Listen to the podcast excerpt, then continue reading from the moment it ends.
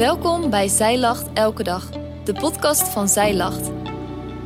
Mijn naam is Femke. Dit is de overdenking van 3 maart, geschreven door schrijfster Teerza Rots. Ik herinner mij nog goed ons sterrenveldje. Een kleine, open plek aan de rand van het bos. Op onze ruggen uitgestrekt in het gras en met onze armen onder onze hoofden gekruist, tuurden we naar de heldere lucht. Genietend van een enorme sterrenpracht. Nog steeds voel ik me nietig als ik bij een heldere hemel iets mag proeven van de onmetelijkheid van het heelal. En van die grote God, schepper van dit heelal. Gods trouw blijkt aan Sarah, maar ook aan jou en mij. In Psalm 8, vers 4 tot 5 staat: Als ik uw hemel zie, het werk van uw vingers, de maan en de sterren, die u hun plaats gegeven hebt. Wat is dan de sterveling dat u aan hem denkt, en de mensenzoon dat u naar hem omziet? Vandaag gaat het over Gods almacht en Gods trouw. In het levensverhaal van Sarah ontdekken we Gods trouw aan haar en aan Abraham. En nog steeds is hij betrouwbaar en betrokken bij mensenlevens. Sarai is de vrouw van Abraham. Zij is de halfzus van Abraham en een zeer knappe vrouw om te zien. Abraham en Sarai wonen in Haran. God openbaart zich daar aan Abraham en roept hem op zijn land te verlaten.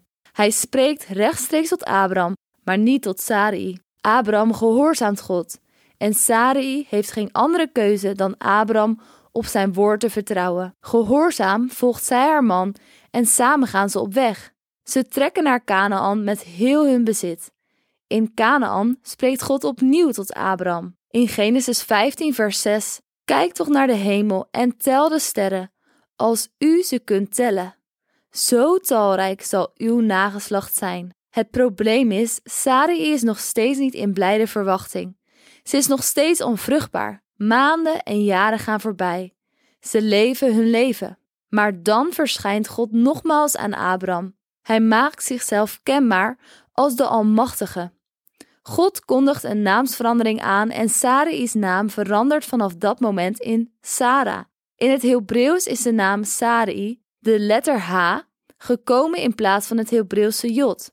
Sarah betekent vorstin der menigte. Er zijn 25 jaren voorbij gegaan sinds God voor het eerst aan Abraham verscheen. Abraham en Sarah wachten dus al 25 jaar op de belofte van God. Abraham is inmiddels 100 jaar, Sarah 90. Zou God echt doen wat hij heeft beloofd? Nog één keer bezoekt God Abraham en ditmaal krijgt ook Sarah hier iets van mee. Drie bezoekers van God komen melding maken dat eindelijk, na jaren van wachten, de beloofde baby geboren gaat worden, Isaac. Vaak wordt dit in het kader verweten over Sarah gesproken omdat zij lachte toen zij de bezoekers hoorde spreken. Maar toch noemt de Bijbel Sarah een geloofsheld. In Hebreeën 11 vers 11 staat: Door het geloof heeft ook Sarah zelf kracht ontvangen om zwanger te worden en een kind te baren, ondanks haar hoge ouderdom, omdat zij hem getrouw heeft geacht die het beloofd had. Het verhaal eindigt vreugdevol. God opent de baarmoeder van Sarah. Zij wordt zwanger en baart een zoon, Isaac. Die naam betekent hij lacht. In Genesis 21, vers 6 staat: Sarah zei: God heeft mij doen lachen. Ieder die dit hoort, zal met mij meelachen. Herinner je nog die flonkerende sterrenhemel, die niet te tellen menigte van sterren? Zo groot zou het nageslacht van Abraham en Sarah worden. Sarah's baarmoeder is de plaats waaruit deze menigte is ontstaan, de baarmoeder van een vrouw op leeftijd, de menselijkerwijs al niet meer had kunnen baren. Het was en is een wonder van God. Gods belofte dat hij Sarah zou zegenen en dat er vele volken uit haar voort zouden komen, inclusief koningen, is uitgekomen. Uit Sarah wordt zelfs generaties later de Messias geboren. Het verhaal van Sarah is zo bemoedigend het laat ons zien dat God almachtig is. Uit het verhaal blijkt Gods trouw. God zag om naar Sarah en God ziet ook om naar jou. Ja, jou.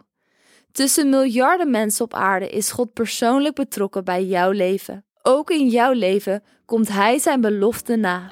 Je kunt van Hem op aan.